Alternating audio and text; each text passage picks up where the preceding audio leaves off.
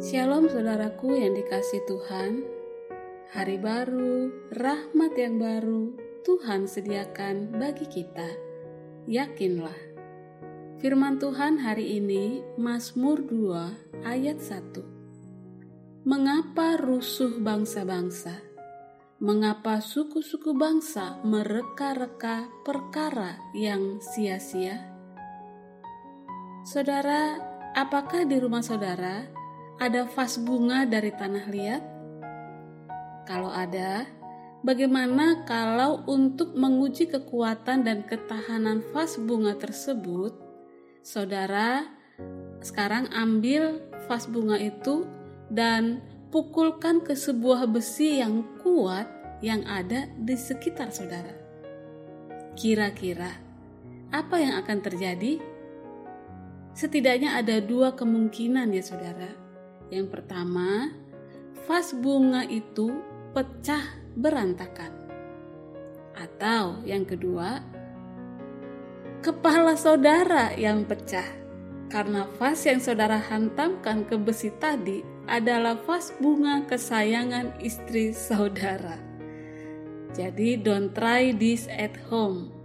Karena memukulkan vas atau sebuah bejana tanah liat kepada sebuah besi yang kuat untuk menguji kekuatan dan ketahanannya sekalipun, itu adalah tindakan yang sia-sia.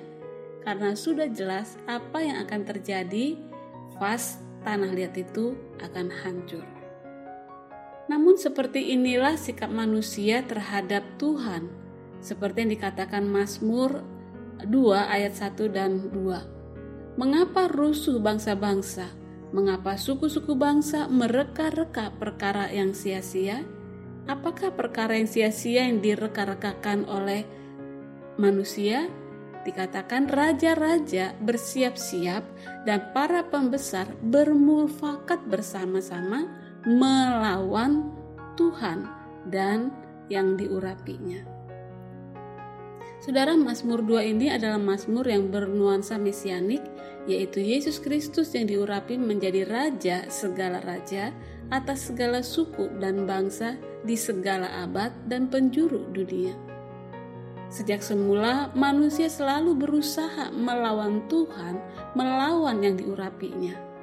Sudah jelas mengapa manusia sering melakukan usaha yang sia-sia ini, dosa. Ingin menentang Tuhan, dan ketetapannya. Dan natur ini terus saja diwarisi dan digaungkan.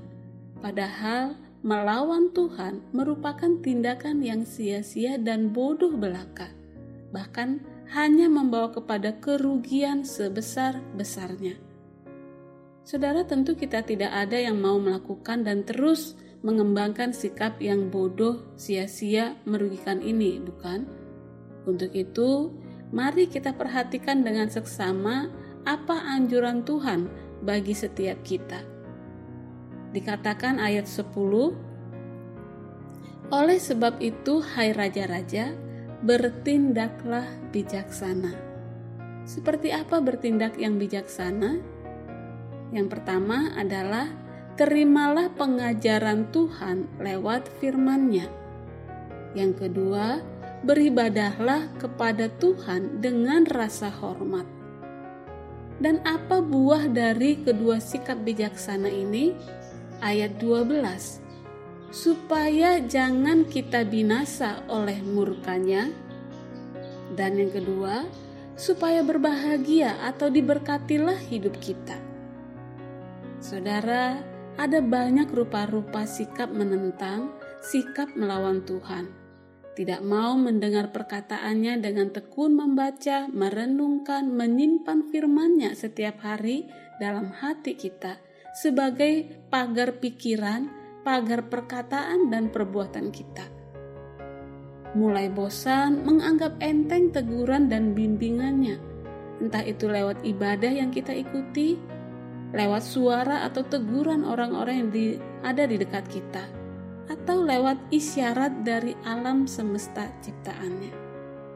Saudara, ingatlah bimbingan Tuhan bagi kita yang masih dikasihinya sampai saat ini. Jangan ikut-ikutan mereka-reka perkara yang sia-sia dengan melawan Tuhan, melainkan dengarkanlah pengajarannya dan beribadahlah kepadanya dengan gentar dan hormat. Berbahagialah semua orang yang berlindung kepadanya. Ini menjadi bagian setiap kita yang melakukannya. Tuhan berkati kita. Amin.